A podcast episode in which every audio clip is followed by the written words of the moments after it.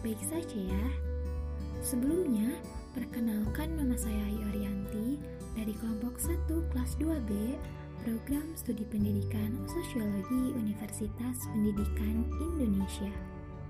Di sini, saya akan membahas mengenai bagaimana cara meningkatkan rasa empati, simpati, dan peduli di masa pandemi. Hmm, pasti teman-teman di sini pada bertanya nih, wah emangnya penting ya sikap tersebut untuk kita terapkan di masa pandemi ini? Lantas, bagaimana cara meningkatkan sikap tersebut di tengah pandemi? Nah, jawabannya akan teman-teman dapatkan jika mendengarkan podcast ini hingga usai. So, pastikan tetap mendengarkan ya. Manusia merupakan makhluk sosial yang tidak bisa hidup tanpa adanya bantuan dari orang lain. Ketika kita meninggal, tentunya kita tetap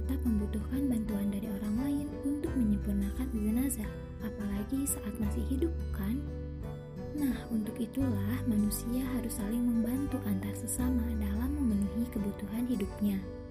Dalam hidup bermasyarakat, kita juga akan menjalin hubungan dengan orang lain nih, baik antara individu dengan individu, individu dengan kelompok, maupun kelompok dengan kelompok. Biasanya dalam berinteraksi juga, kita perlu meningkatkan rasa empati, simpati, dan peduli terhadap sesama nih. Hal ini terjadi karena pada hakikatnya manusia merupakan makhluk sosial yang tidak bisa hidup tanpa adanya bantuan dari orang lain. Perasaan empati, simpati, dan peduli ini dapat membuat seseorang menjadi lebih penuh kasih sayang dan tentunya dapat saling memberikan kenyamanan dan dukungan terhadap orang yang membutuhkan. Untuk itulah, ketiga hal tersebut perlu ditingkatkan terutama di masa pandemi ini. Lalu, apa sih yang dimaksud dengan empati, simpati, dan peduli? Nah, saya yakin pasti teman-teman di sini pernah mendengar atau bahkan mengetahui apa itu empati, simpati, dan peduli. Bagi yang belum tahu, jangan khawatir karena saya akan membahas ketiga sikap tersebut. Nah, yang pertama yaitu ada empati. Empati merupakan sikap di mana kita dapat melihat dan merasakan bagaimana situasi yang dialami oleh seseorang dan tergerak untuk membantunya. Salah satu contoh sikap empati di masa pandemi ialah dengan mengulurkan bantuan kepada orang yang membutuhkan. Seperti membeli dagangan para pedagang kecil yang kesulitan untuk menjual dagangannya Kemudian kita juga dapat memberikan sedikit rezeki kepada saudara kita yang terkena PHK secara massal, yang tentunya tidak memiliki pekerjaan sampingan. Hal tersebut dilakukan karena kita sendiri mengetahui bahwa kondisi di masa pandemi ini sangatlah mengganggu roda perekonomian masyarakat dan tentunya merugikan bagi seluruh pihak. Untuk itu, kita dapat membantu mereka Meskipun jumlahnya tidak seberapa, tetapi hal tersebut dapat membantu meringankan beban mereka kawan. Nah, yang kedua yaitu ada simpati.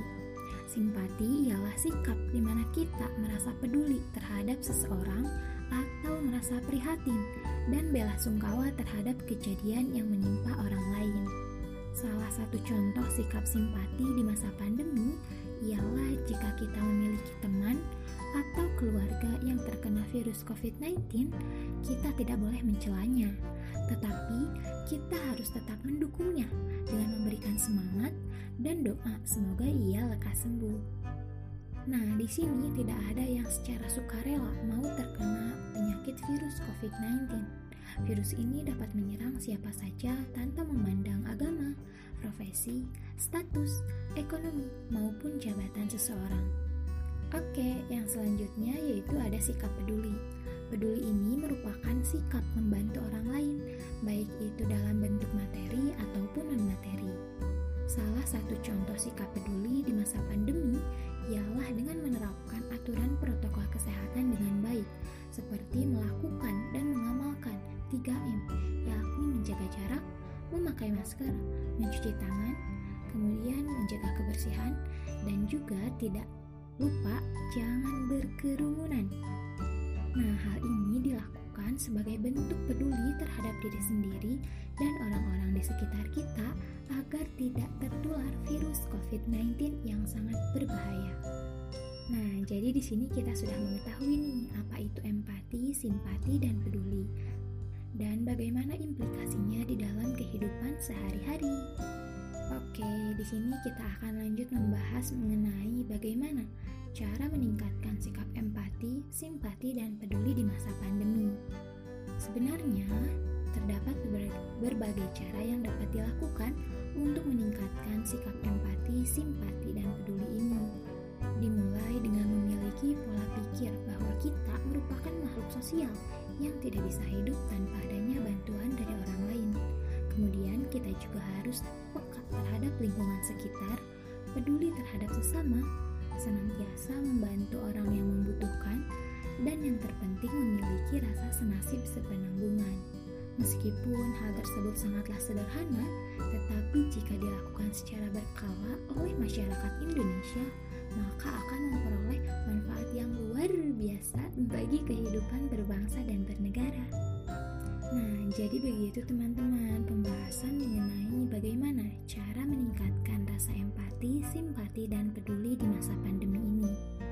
Saya harap setelah kalian mendengarkan podcast ini, teman-teman dapat meningkatkan dan menerapkan sikap tersebut dalam kehidupan sehari-hari. Nah, mungkin hanya itu saja pendapat yang saya sampaikan kepada teman-teman semua. Saya mohon maaf apabila terdapat perkataan yang tidak berkenan di hati para pendengar. Saya ingin mengucapkan terima kasih yang sebesar-besarnya karena telah mendengarkan podcast singkat saya ini sampai usai. Semoga apa yang kita dengarkan hari ini akan menjadi bekal untuk teman-teman dalam menjalani kehidupan di masa yang akan datang. Untuk itu, saya pamit izin undur diri. Wassalamualaikum warahmatullahi wabarakatuh. See you.